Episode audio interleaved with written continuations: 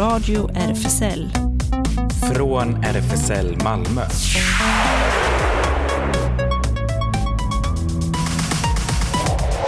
Välkommen till Radio RFSL, Riksförbundet för homosexuellas, bisexuellas, transpersoners, queeras och intersexpersoners rättigheter.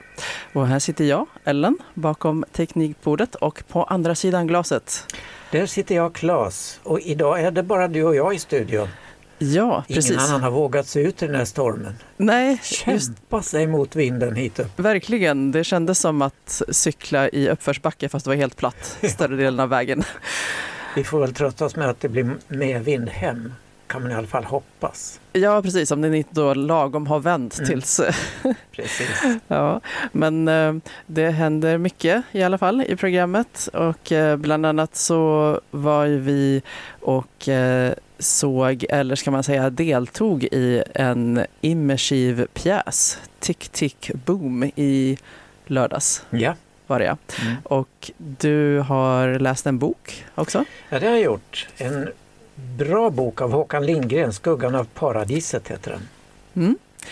Och så är det Transgender Day of Remembrance ganska snart. Den eh, 20 som väl infaller nu på söndag i år. Så vi berättar lite mer om, om det och om saker som händer i, i anslutning eh, till minnesdagen. Så har Men vi massor med nyheter idag. ja, oj, ja, massor med nyheter och massa annat som händer. Och det händer också. Mm. Just det. Men eh, vi kör igång. Här kommer Tamakun med Rodrigo y Gabriela.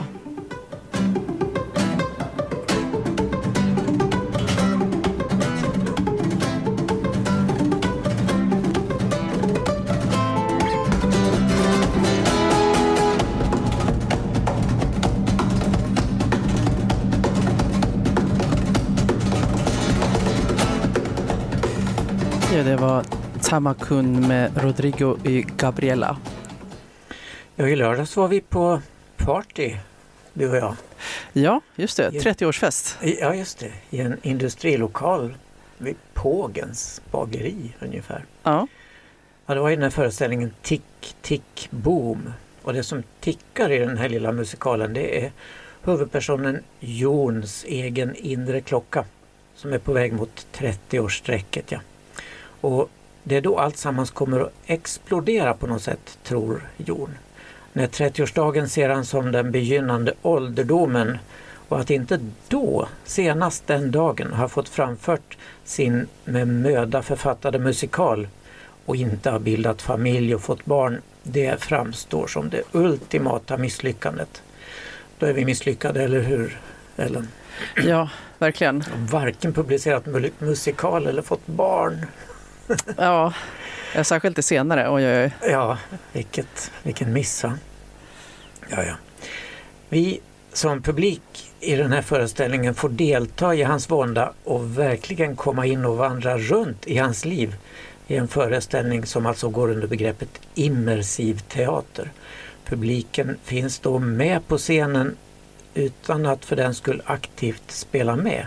Fast i den här föreställningen på Lantmannagatan 30, det får vi faktiskt spela med lite grann. Vår publikgrupp, vad kan vi ha varit, 25 personer eller något sånt. Ja, skulle du tro det? Vi tas emot vid dörren och får ta på oss små toppiga födelsedagshattar. Jag tror vi allesammans fick en färg och de som i skådespelarensemblen som ibland hade en sån hatt, de hade en annan färg. Det måste de väl ha för att skilja ut så de ser vilka som är publik. Eh, och så får vi öva på den sång vi alla skulle sjunga till Jon, Ha den äran idag. Och alla sjöng med. Det var lite överraskande. Alla kom dit peppade att nu ska vi delta. Ja, jag tyckte dels eh, det var roligt att folk bara var med, eh, ja, bokstavligen med på noterna där, men också vid flera andra tillfällen tyckte jag under föreställningen att vi liksom, ja, flyttade på oss fast vi inte visste riktigt hur huvudpersonen skulle cykla förbi eller Mm. ja, det var lite roligt att se hur, hur vi alla liksom rörde oss, Ja, anpassade oss efter, ja, Som en slags ballett. ja, Ja, vi visades då upp till den här stora spelsalen och där står det en säng i ena hörnet, en soffgrupp i ett annat hörn, ett skrivbord och sladd, telefon bredvid, den lilla orkestern mitt på golvet och så en bardisk borta till höger. Och en trappstege någonstans som skulle föreställa trappan upp till takterrassen dit Jon ibland drog sig tillbaks. Och vi fick varsin bägare med popcorn och så kunde spelet börja. Och det är 1990 i New York City. Vi är alltså bjudna på födelsedagsfest för Jon som spelas av Philip Wikström som fyller år. Han är en lovande kompositör som kämpar för uppehället i väntan på sitt stora genombrott. Och det är en självbiografisk spegling av musikalens upphovsman Jonathan Larsson. John delar den här sunkiga lägenheten med barndomsvännen Michael, spelas av Erik Espinosa, som plötsligt framgångsrik klättrar på karriärstegen. Och med på festen är också Jons flickvän Susan. Kim Bergqvist spelar henne. Som egentligen vill flytta från stan och bilda familj med Jon. Men det vill inte riktigt han. Michael och Susan förbereder festen och tycker att det är så kul att vi alla har kommit. Så eh, kommer Jon in och vi sjunger alla för honom. Han är glad och överraskad, får ballonger och berättar efterhand för oss vad som hänt veckorna innan och det spelas då upp för oss. Vi vandrar med och kollar jobbsamtal vid arbetsbordet, sängkammarsnack med Susan, lägenhetsproblem med Michael och en stressig dag på jobbet för Jon som servitör på krogen och vi bjuds då på varma mackor. Tog du någon varm macka? Nej, jag hann inte. Och jag var faktiskt lite hungrig när jag kom dit så jag grämde mig att jag inte stod längre fram då. De tillreddes lite hastigt tyckte jag, men ja. Eh, många i publiken tog det. Och som publik gällde det ju att hänga med och se upp för Jon när han har bråttom och cyklar till jobbet. Och vi får faktiskt också agera publik som publik vid en workshop där Jon presenterar sin musikal för viktiga personer. Och då får vi också äntligen applådera en solosång. Och det vågade vi inte riktigt som gäster i lägenheten innan men jag kollade efteråt och det hade varit helt okej. Okay. Så om ni ska gå på föreställningen, det är okej okay att applådera under spelets gång. Ja, man får det. Jo, jag, ja. jag, tror att, jag vet inte om andra kände som jag, men att jag hejdade mig var att jag tänkte att det, det kanske liksom eh, tar bort det här att, att vi är eh, en del av föreställningen. Ja, att, just det. Eh, det var så jag också tänkte. Ja. Ja, vid den här workshopen så deltar också en osynlig eh, åskådare som var den kände musikalgurun Steven Sondheim. Och det var Jons stora idol. Ett namn som han vördnadsfullt bara viskar till oss ibland. Steven Sondheim har sett detta. Och det märks tydligt i musiken att Sondheim verkligen var den stora förebilden för Jonathan Larsson när han skrev det här. Och att vandra med inne i handlingen känns ovant i en början men efter ett tag så smälter man in och hänger med.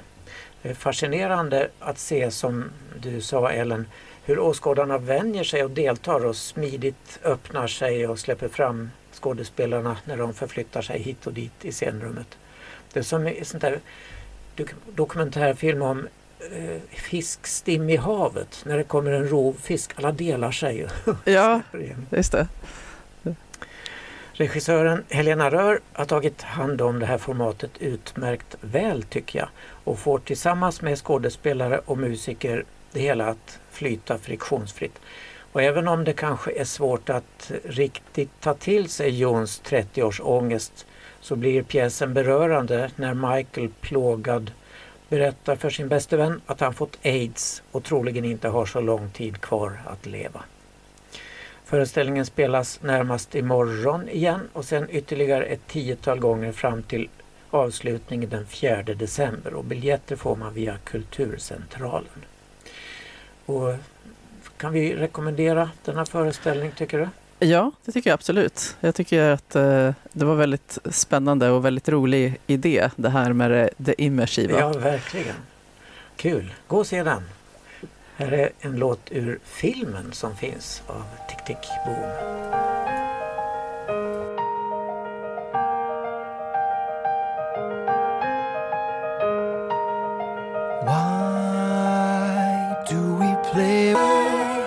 Ask the birds. Fear or love, baby, don't say the answer.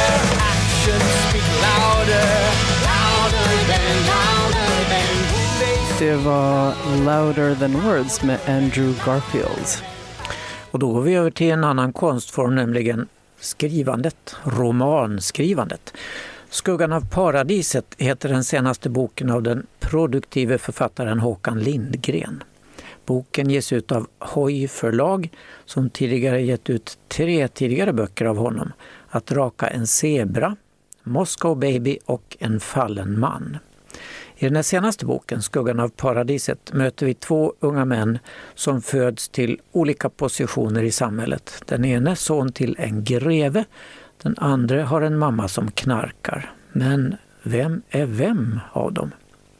För greve Arkibalds förmögna hustru och hans knarkande älskarinna råkar föda var sin son på samma dag, nästan på samma timme.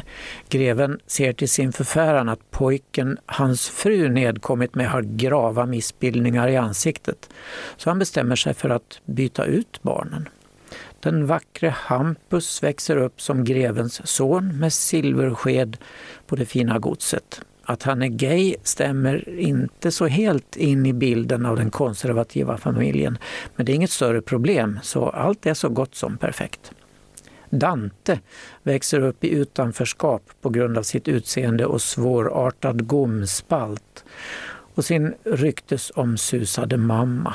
Hon är inte särskilt närvarande och Dante förbannar ofta sin tillvaro på livets skuggsida, även om någon hemlig välgörare sett till att hans deformerade ansikte opererats till nästan perfektion. I sena tonåren inträffar något som får honom att söka efter sitt ursprung och ana att greven kanske är hans far. Nu startar jakten på upprättelse. Snart börjar en plan ta form. Dante tänker ta sig in i den fina familjen till varje pris. Lindgren nystar upp den här udda historien helt strålande med ett lättläst språk som gör att man riktigt slukar boken. Personteckningarna är roliga, likaså miljöskildringarna är bra. Och upplösningen blir ganska överraskande. Eh, så här står det om författaren på bokens omslag. Håkan Lindgren föddes i Göteborg men flyttade i slutet på 90-talet till Frankrike. Trots drömmar om att bli inredningsarkitekt hamnade Håkan i finansbranschen och har under många år arbetat i Luxemburg. Efter närmare ett kvarts sekel utomlands har Håkan nu flyttat hem till Sverige med familjen. Håkan hade både låttexter och ett stort antal noveller i bagaget när han 2015 debuterade med romanen Att raka en zebra. Denna följdes år 2017 upp med Moscow Baby, en romantiserad skildring av hur han och hans make fick sin dotter med hjälp av en surrogatmamma i Ryssland. Håkans tredje roman, En fallen man, som utkom 2020, beskrevs som både pusseldeckare och förväxlingskomedi. Så nu väntar vi med spänning på nästa bok från denne spännande författare. Och då går vi över till att berätta lite om Transgender Day of Remembrance som äger rum årligen den 20 november till minne av de transpersoner som har mördats under året till följd av transfobi. Och hela veckan innan är det Transgender Awareness Week. Just det. Också. Mm. Och minnesdagen instiftades 1999 av transkvinnan Gwendolyn Ann Smith för att högtidlighålla minnet av Rita Hester som mördades i Alston, Massachusetts den 20 november året före. Eh, och eh, speciellt i USA, men även i andra engelskspråkiga länder som Storbritannien och Australien föregås då eh, Transgender Day of Remembrance av Transgender Awareness Week. Eh, 13 till 19 november brukar det vara då. Och eh, vi kommer ju berätta under Det händer om flera saker som händer i, i anslutning till dagen. Eh, just på själva dagen den 20 så eh, kommer det vara en manifestation som vi kan berätta mer om bland annat på Triangeltorget. Eh, och eh, det blir även film som vi också berättar mer om som kommer äga rum på eh, Panora. Eh, så att, eh, men vi kan ta och det här är ju eh, ganska sorgligt såklart. Det blir ju vanligtvis på manifestationerna uppläsning och tyvärr en ganska lång lista av namn på transpersoner som har mördats.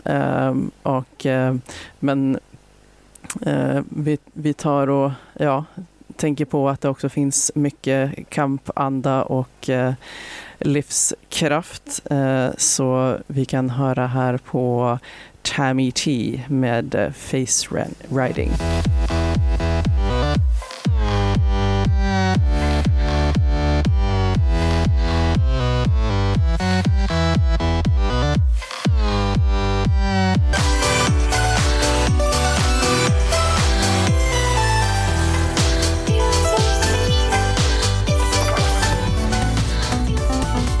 Radio RFSL Nyheter. Det gifta paret John och Johan Valencia har råkat ut för en hetsk förtalskampanj. På internet och i arabisk media påstås felaktigt att deras äldsta dotter Miriam har stulits av socialtjänsten från, som det heter, sin muslimska familj. Det gör oerhört ont att dessa rykten florerar, säger John Valencia. Genom bloggen Pappa pappa dotter och Instagramkontot med samma namn delar influencerparet John och Johan med sig av livet som tvåbarnsföräldrar till döttrarna Miriam och Astrid. Deras äldsta dotter Miriam är fem år och kom till dem när hon var ett år som en familjehemsplacering. När hon var två år skrevs vårdnaden över till John och Johan från Miriams biologiska föräldrar. Men arabvärldens största tv-bolag, en egyptisk youtuber med miljonpublik och en arabisk tidning i Malmö har alla spridit lögnen att citat, Sverige har kidnappat ett muslimskt barn och gett det till ett homosexuellt par. Hon kommer inte från ett muslimskt hem och placeringen hos oss har skett med familjens uttryckliga samtycke, säger John till Sydsvenskan. Jag kan inte tänka mig en bättre familj för Miriam att växa upp i, säger Miriams svenska och kristna biologiska mormor. Alltsammans började förra veckan när familjen Valencia i en intervju i Aftonbladet berättade om sin nya bok Miriam och den magiska tröjan. Nyheten snappades upp av en egyptisk influencer som i en livesändning pratade drygt en och en halv timme om hur Sverige har kidnappat ett muslimskt barn. Inget svenskt barn kan heta Miriam, hävdar han, för att ge henne till homosexuella, något han tidigare envist hävdat att svensk socialtjänst satt i system. Båda delarna är direkt felaktigt, men de ogrundade ryktena togs upp av Al Jazeera och turkisk tv och spreds sen vidare av den Malmöbaserade sajten Aktar.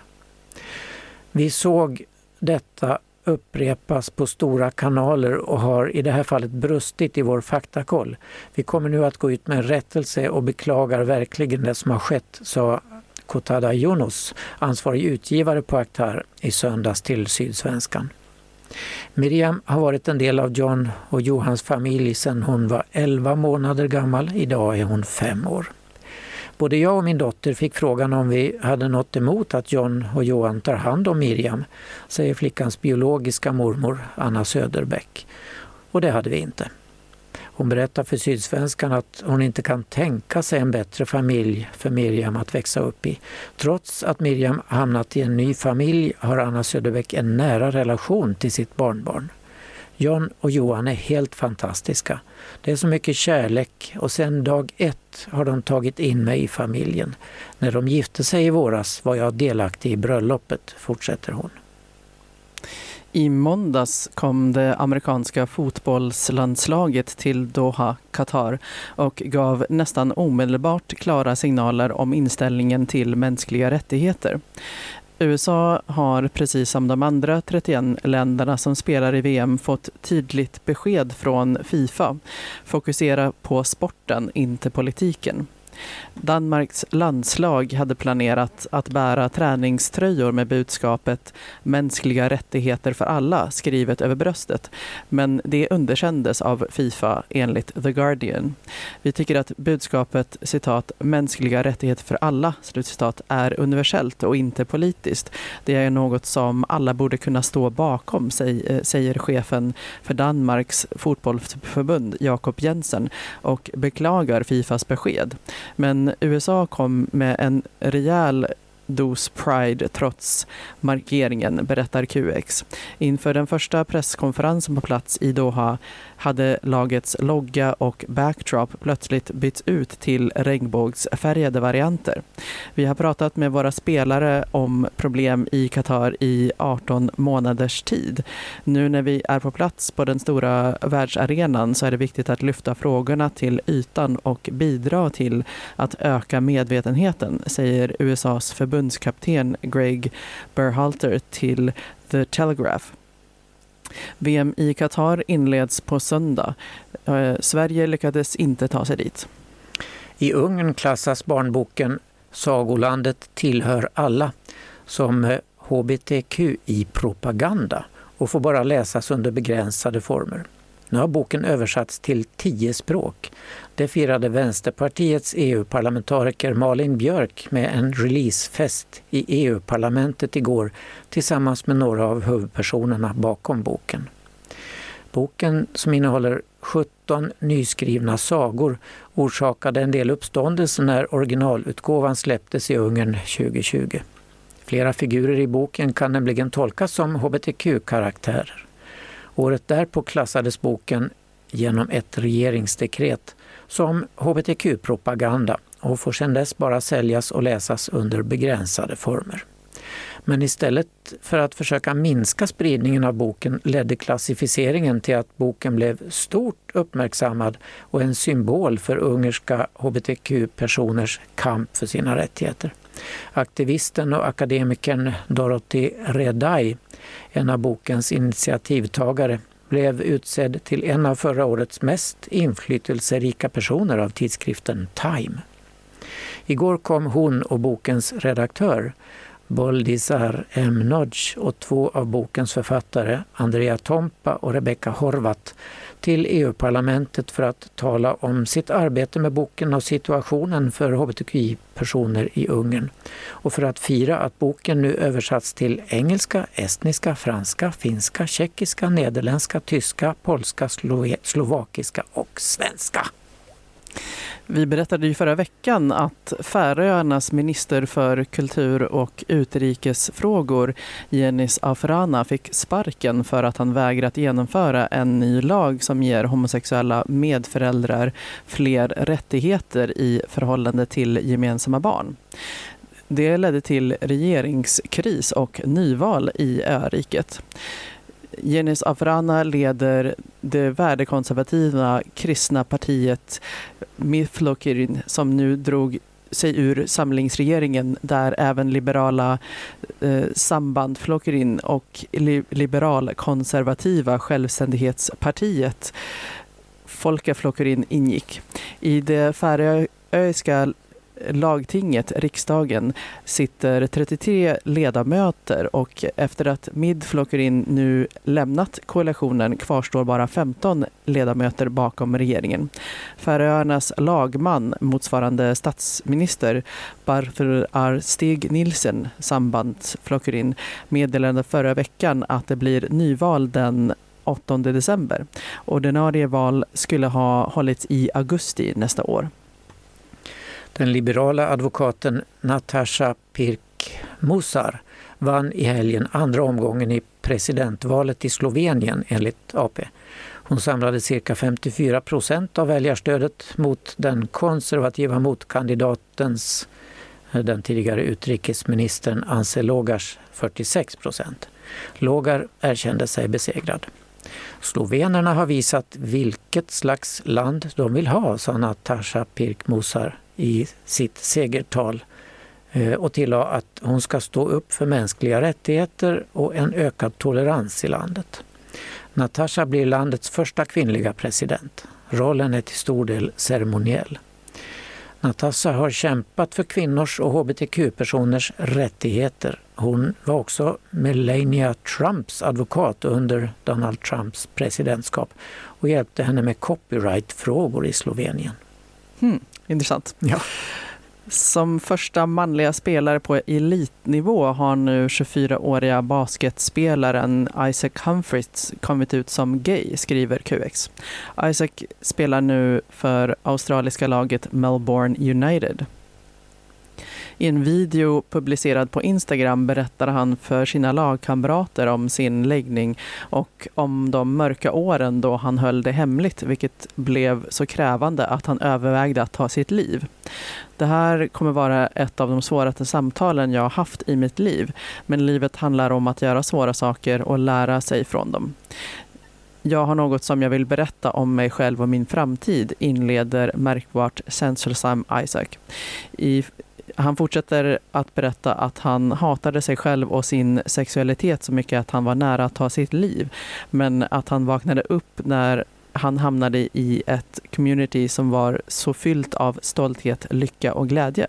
Han säger också i videon att han anser att professionella idrottare har ett ansvar att agera som förebilder för andra. Eh, och hitta video på Insta. Han heter där Isaac Humphreys 7 var det ett väldigt känslosamt tal, kan rekommenderas. Bland filmerna som får premiär nu på fredag märks She Said, en dramatisering av den sanna historien om hur två kvinnliga journalister fick en, en av filmvärldens mäktigaste producenter, Harvey Weinstein, på fall. Filmen är regisserad av Emmy-vinnaren Maria Schrader som har gjort serien Unorthodox från ett manus av Rebecca Lenkiewicz, manusförfattare till den Oscarsbelönade filmen Ida, eller Aida, hur den uttalas. Carrie Mulligan och Zoe Kazan spelar huvudrollerna som New York Times-reportern Megan Toohey och Judy Cantor som tillsammans släppte en av en hel generations viktigaste nyheter. En story som hjälpte till att föra metoo-rörelsen framåt, bröt årtionden av tystnad kring sexuella övergrepp i Hollywood och förändrade amerikansk kultur för alltid. Oscar Sia, Claes Eriksson och Tina Merafsson blir årets programledare för Musikhjälpen i radio och tv. Maratonsändningen får temat för en tryggare barndom på flykt från krig och sänds från Göteborg. De tre programledarna blir den 12 december inlåsta i en glasbur på Kungstorget i Göteborg för att under 144 timmar sända radio och samla in pengar. För Oscar Sia blir det andra gången han är programledare. I fjol blev han förkyld och fick lämna glasburen i förtid trots negativt covid-test. Jag älskar Musikhjälpen och ser jättemycket fram emot veckan. Det är både jättemysigt och jätteviktigt.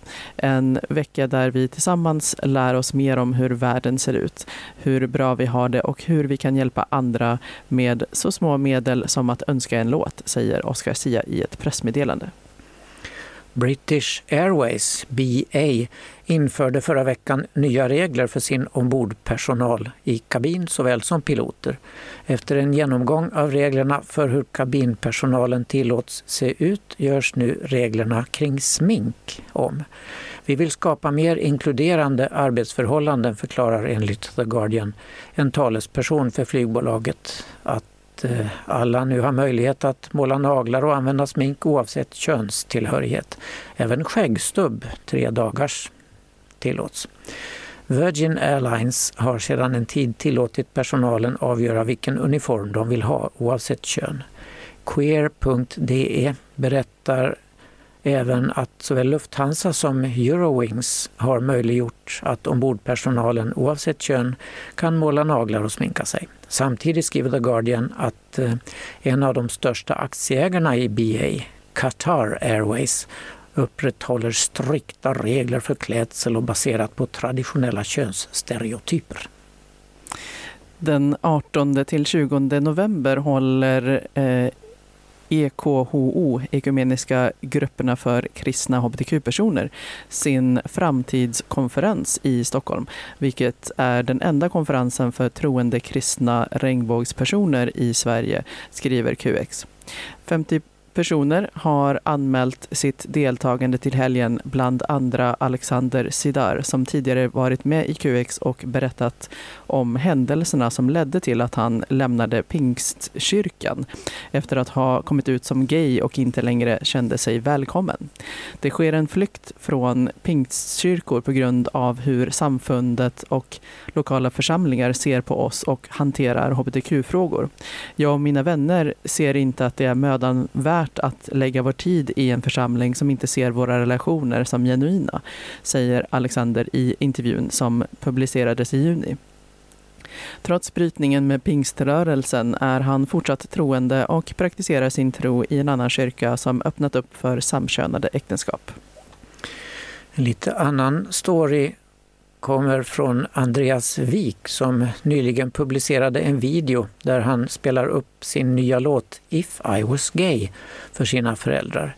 Videon har blivit en viral succé och hade bara inom ett par veckor setts av 15 miljoner, skriver krönikören Joel Halldorf i Expressen. Att detta sker samtidigt som Niklas Piensoho, pastor i Sveriges största pingstförsamling, öppnar upp för en ny syn på samkönade relationer är en händelse som ser ut som en tanke eller kanske till och med ett tecken, fortsätter Halldorf. Wik är själv son till en pingstpastor och han insåg när han var 12 år att han var homosexuell. Men när han berättade det för sina föräldrar ledde det till att de tillsammans under många år bad för att han skulle bli fri från sin läggning. Först som vuxen, efter att ha studerat teologi, insåg han att hans homosexualitet inte stod i vägen för Guds kärlek och vågade komma ut. Wik berättade om sin livshistoria hos Karina Bergfeldt i SVT häromkvällen och väckte många känslor bland tittarna. Men han har nu en mycket god relation både med föräldrarna och kyrkan, berättade han. Och så här låter hans nya låt If I was gay. If I was gay, would I be what they say? The other classic love songs on repeat. None of them talk about what I feel. I've never kissed a boy, I've been trying to fit in. Kept a candle burning, a lamp unto my feet. Play me all the classic love songs on repeat. None of them talk about what I feel. Radio RFSL. Det händer. Ja, du lyssnar på Radio RFSL och på RFSLs lokal Stora Nygatan 18 händer det en hel del.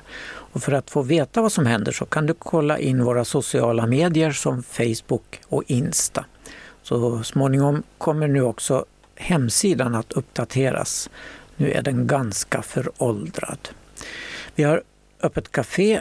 Mest seniorer kommer dit på torsdagar 13 till cirka 16 och seniorkafé på söndagarna också 13 till 16. Och lördag den 10 december blir det julfest för alla grupper inom RFSL Malmö. Start klockan 12 med presentationer, quiz och mingel fram till klockan 15. Och klockan 16 samma lördag ger Regnbågskören sin sedvanliga julkonsert i Sankt Maria kyrkan på Nobelvägen. Space Malmö träffas nästa gång lördag den 12 november. Ja, Det, eller? Vänta nu. det är föråldrat. Det, ja, nu är vi Ja. redan på alltså, vad tiden går. Ja, Det är redan mitt, mitten på månaden. Alltså, ja, du kan läsa nästa ska jag plocka fram det som gäller för detta. Just det. Eh, Bi plus Skåne ordnar träffar för bi och pansexuella. Eh, och där är nästa träff i RFSL-lokalen söndag den 20 november klockan 15 till 17. Och mer info hittar man på, på Facebook eh, om man bara söker på Bi plus Skåne. Och här hittade jag det. Jag hade skrivit det i min egen dator men glömt att lägga över det i det gemensamma. Space Malmö träffas nästa gång lördag den 26 november klockan 15 i lokalen för gemensam läsning. Var och en läser en kort text som betytt något för hen. Space Malmö söker också volontärer för den fortsatta verksamheten och är du intresserad så hör av dig. Mer info finns på Space Insta-sida. Och Newcomers har sin populära kaféverksamhet för nyanlända och asylsökande hbtqia-personer på fredagar klockan 15 till 19 och även träffar på måndags eftermiddagarna för sociala kontakter och juridisk hjälp. Och eh, Habitat Q, ungdomshänget, fortsätter måndagar och torsdagar 17 till 20. Eh, man kan kolla på Facebook eller Insta. Där är det snabbala habitat understreck Q för att DMa för att få veta var man ska träffas. Och SLM Malmö som har sin lokal på Sallerupsvägen 30, medlemsklubben för bara män, har på tisdagar en slags pub öppen 20 till 24. Dörrarna stänger då klockan 22. På lördagar är det klubb och det är öppet 22 till 02 och då stänger dörrarna vid midnatt. Man har byggt om så det är entré från baksidan numera. Och eh, om ni har missat att se den prisbelönta filmen Brokeback Mountain med Jake Gyllenhaal och Heath Ledger som förälskade cowboys så har ni chansen på tv ikväll onsdag i kanal eh, 9 klockan 22. Och så är det en utställning, en duoutställning på gång på Skånes konstförening, Bragegatan 15. The Song in My Veins. Och det är Jasmina Karli Malmsten och Elia Diane Forsi Bekene som ställer ut från 11 november till 11 december. Och den här duoutställningen utforskar kroppen som en plats för psykologiskt läkande, gemensamt läkande och vår egen inre polyfoni, rösterna från våra många jag. Mm. Ja, det är stora väggmålningar och tryck som man kan se, så gå och kolla. Mm. Och eh, på Slakthuset nu på söndag den 20 eh, är det Andreas Lundstedts Freedom. George Michael bröt igenom som artist och låtskrivare redan på 1980 och 90-talen.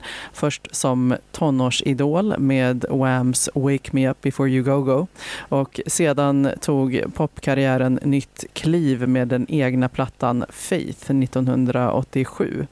Freedom är en hyllningsshow till George Michael och Andreas Lundstedts 50-årspresent till sig själv. Tillsammans med stort band och kör framför han allt från känsliga ballader som Careless Whisper och Father Figure till danslåtar som Freedom 90 och I Want Your Sex. Slakthuset på söndag alltså. Också på söndag klockan 23.05 i SVT1 kan man se fjärde och sista delen i dokumentärserien Ditlev Tam, professor i högklackat. Och den kvällens avsnitt heter Crossdresser på Solkungens tid. Serien har gått sedan 30 oktober och finns att se på SVT Play i två år framåt.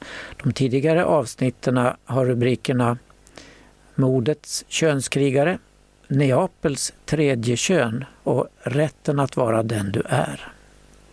Eh, och man hinner kanske nu, det är bara några minuter kvar, men eh, eh, klockan sju ikväll, några minuter, workshop i kritisk vithet med Louis Romero Brodin äger rum på Page 28. och välkommen till en workshop i kritisk vithet under ledning av Louis Romero Brodin. Det gäller att vara på plats senast vid 1915. Okej, då har man lite... Så att om man nu befinner sig i närheten av page, page 28 så hinner man fortfarande dit. Och det är på, vad heter Sankt Knutsplan? Eh, Karlskronaplan. Ja, Karlskronaplan är det. Ja, är det. ja Mm. precis. Ja, ja. Yes. På onsdag mm, klockan 19.30 på dansstationen på, kan man se Jezebel koreograferad av Cherish Mensos. Det är en feministisk omfamning av MTVs lättklädda hiphop-brudar. Vågat och med en uppfriskande klarhet dissekerar Cherish Menso den misogyna hiphopkulturen och dess legendariska kvinnoporträtt. 90-talet, MTV och lättklädda videovixen-tjejer som skakar rumpa till hiphop. Ett klockrent exempel på när the male gaze har löpt amok och lyckats förpacka framförallt svarta kvinnor till rekvisita med uppgift att hävda ett manligt ego. Jezebel är ett djärvt verk där Menso lyckats placera vixen i ett nytt perspektiv som både utmanar och ifrågasätter hur denna hiphop-ikon skulle kunna se ut idag. Och det är turné med Dansnät Sverige hösten 2022 detta. Mm. Och imorgon den 17 november klockan 19.30 så visas filmen So Pretty från eh, 2019 på Hypnos. Eh, eh, den lilla mikrobiografen som, som jag fortsatt rekommenderar. Jag tycker den är så, så mysig. Ehm, Ehm, och eh, lite om handlingen då. Det är fyra unga queers i New York City eh, som eh, kämpar för att eh, eh, upprätthålla deras, eh, ja, hur ska man översätta, proto-utopian community. Eh, säger man proto-utopiska community mot ja, omvärlden. Ehm, så den visas alltså imorgon klockan 19.30 på hyp- eh, Teater Hypnos. Imorgon klockan 18 och 20 november klockan 17.30. Mellan de tiderna pågår antirasistiska filmdagar, eller hur? Ja, det stämmer. Eh, på biograf Panora. Och man kan få veta allt om man går till Panoras hemsida. Eh, kraftsamlar man här inför en mörk vinter med antirasistiska filmer och samtal. Bland annat är det Eh, ett antirasistmonument, Trayvon Martin Celebration of Life. Och eh, om högerpopulismens framväxt i Europa, film och samtal. Just det, och i, i samband med eh, eh den film, de filmdagarna så eh, just den 20 visas ju då eh, Kellet, en, en film och samtal, söndag 14.30 till eh, 16.15 eh, på Transgender Day of Remembrance. Eh, Det är en dokumentärfilm eh, med efterföljande, efterföljande samtal om transfobi, afrofobi och intersektionalitet. Och där är moderator till det här samtalet Ingo Kando Whatever Malmö, Just det. känd ifrån RFSL Malmö Ja, en gång i världen. ja just det. Ja, får vi vara snabba här och spela... Ja, en liten snutt av sista låten. Ja, här kommer Freedom med George Michael. Tack för idag. Tack för idag.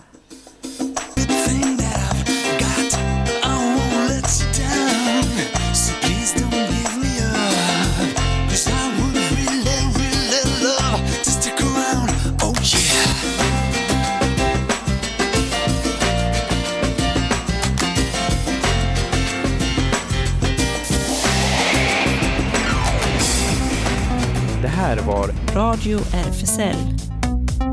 Från RFSL Malmö.